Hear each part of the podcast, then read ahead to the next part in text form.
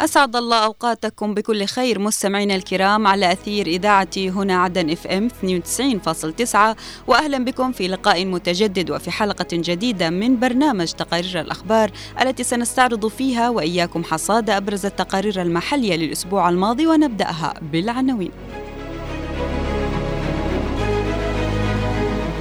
سياسيون جنوبيون يؤكدون أهمية دعم جهود النائب البحسني لتوحيد الصف الحضرمي. نقابات عمال الجنوب تدعو للاحتشاد العمالي والجماهيري في العاصمة عدن. ميناء عدن يستقبل أولى الرحلات الملاحية للخط الصيني الجديد.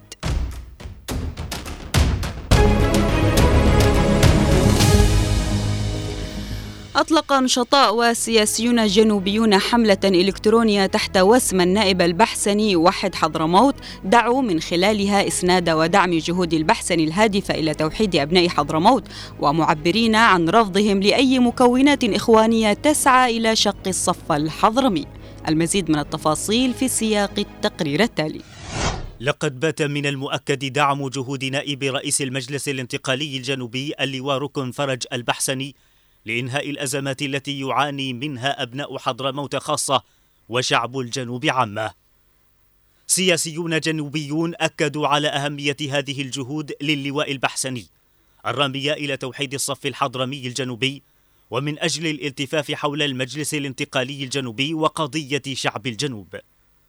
وفي حملتهم الإلكترونية التي أطلقوها عبر منصة إكس تحت وسم النائب البحسني وحيد حضرموت جدد السياسيون الجنوبيون التأكيد على أهمية تكاتف الجميع حول رأي سديد ودعم القيادة السياسية والعمل على توسعة باب النقاشات والحوارات مع مختلف شرائح المجتمع المدني في حضرموت خاصة والجنوب بشكل عام لتقريب وجهات النظر حول دعم قضية شعب الجنوب.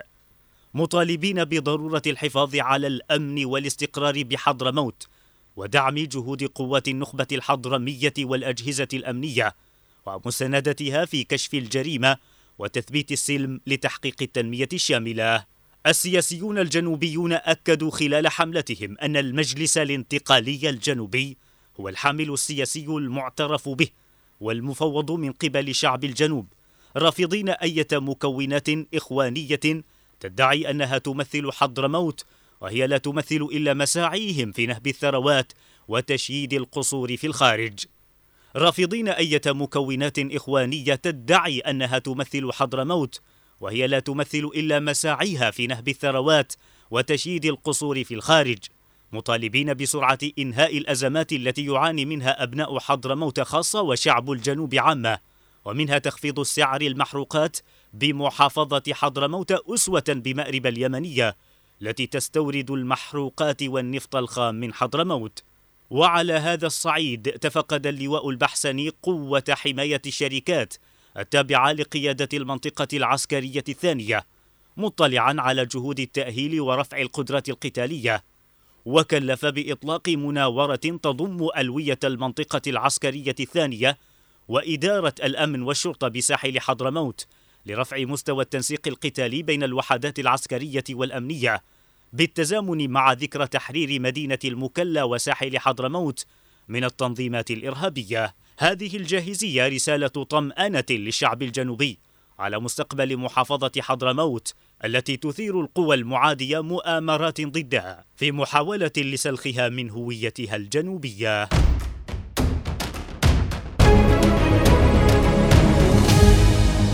الاتحاد العام لنقابات عمال الجنوب كافة العمال والموظفين في سائر المرافق والمؤسسات للاحتشاد العمالي والجماهيري مقابل بوابة القصر الرئاسي بمنطقة المعاشيق الاثنين القادم لفرض الإرادة العمالية والجماهيرية وإلزام الحكومة بتنفيذ التزاماتها.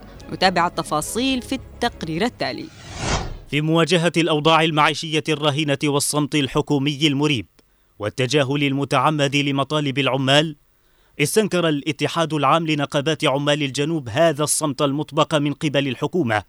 جاء ذلك خلال دعوة الاتحاد العام لنقابات عمال الجنوب كافة الموظفين في سائر المرافق والمؤسسات للاحتشاد العمالي والجماهيري عند بوابة القصر الرئاسي بمنطقة المعاشيق في العاصمة عدن لفرض الإرادة العمالية والجماهيرية وإلزام الحكومة بتنفيذ التزاماتها.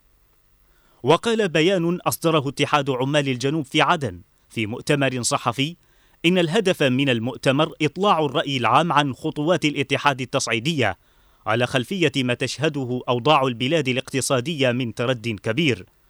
وطالب الاتحاد باعتماد حل مؤقت حتى يتم هيكلة الأجور وهو صرف مبلغ مقطوع قدره مئة ألف ريال وذلك كبدل غلاء معيشة لكل موظف حكومي وكذا إلزام الحكومة بصرف الرواتب بانتظام نهاية كل شهر بالإضافة إلى صرف العلاوات.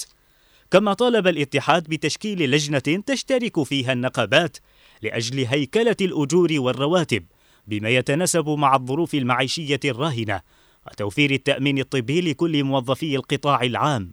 كما طالب أيضا بتحسين الخدمات الأساسية وفي مقدمتها الكهرباء. الاتحاد العام لنقابات عمال الجنوب وهو يقف أمام مطالب عماله ومن يمثلهم ويدافع عن حقوقهم.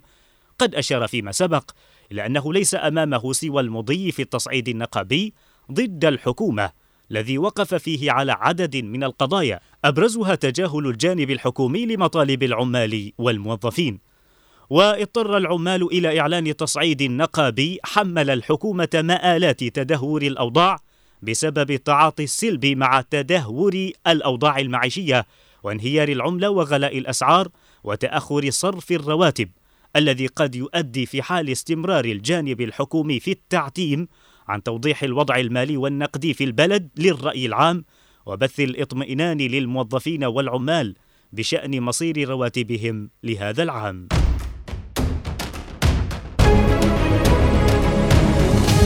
دشن بمحطة الحاويات بميناء عدن أولى رحلات الخط الملاحي الجديد مباشرة من جمهورية الصين عبر باخرة قادمة من ميناء ننشا الصيني والمحملة ب 407 حاويات. وسيتولى هذا الخط عملية تنظيم رحلات سفن الشحن على نحو مباشر من الصين إلى خليج عدن دون توقف في أي موانئ أخرى. تفاصيل أوفى في سياق هذا التقرير. في أول ربط مباشر بين الموانئ الصينية وخليج عدن. وصلت مؤخرا باخرة من ميناء نانشا الصيني إلى محطة الحاويات بميناء عدن في أولى رحلات الخط الملاحي الجديد. وتقل الناقلة 407 من الحاويات على أن يتولى هذا الخط الملاحي عملية تنظيم رحلات سفن الشحن على نحو مباشر من الصين إلى عدن دون توقف في أي موانئ أخرى والوصول إلى عدن بعد انطلاقها بحدود 20 يوما فقط. وأكدت الوكالة أن وصول الباخرة يمثل تدشينا للخط الملاحي الصيني الجديد الذي يربط الموانئ الصينية بخليج عدن بصورة مباشرة ضمن جهود ربط البلاد وميناء عدن بالأسواق العالمية بما يحقق نموا اقتصاديا مستقبليا في البلاد. اقتصاديون ومهتمون في شؤون النقل وصفوا تدشين الخط الملاحي الصيني إلى خليج عدن بالخيار الأفضل لافتين إلى أنه يأتي بعد اتخاذ الحكومة عبر وزارة النقل إجراءات لتسهيل عمل شركات الشحن الدولية القادمة إلى عدن. وعبر أستاذ الاقتصاد والعلوم السياسية بجامعة عدن الدكتور سامي نعمان عن تفاؤله من أن يكون تدشين هذا الخط الملاحي بميناء عدن بداية انتعاش الميناء مع اتخاذ إجراءات تعمل على تسهيل عمل التجار والشركات التجارية في البلاد والمنطقة. من جانبه يعتقد الصحفي المختص بشؤون النقل وديد ملطوف أن ميناء عدن يمثل واجهة اقتصادية للبلد ويعد هذا الإنجاز المتمثل في تدشين الخط الملاحي الصيني خطوة مهمة ستتبعه أنشطة عديدة تتيح من خلاله فرصا لرجال الأعمال كما ستزيد من الفرص الوظيفية. ويعد تدشين هذا الخط الملاحي فرصة لإعادة تنشيط هذا الصرح المهم المتمثل في ميناء عدن. والذي سيخدم الجميع دون استثناء بالإضافة إلى أنه واجهة البلد فهو أيضا العمود الفقري للاقتصاد المحلي. أبناء شعب الجنوب يأملون أن يكون عام 2024 عاما مفصليا في تجسيم وتجسيد أولويات استعادة الاستقرار الاقتصادي والمالي في البلاد وجذب المستثمرين من خلال التسهيلات المقدمة لهم من قبل وزارة النقل وميناء عدن.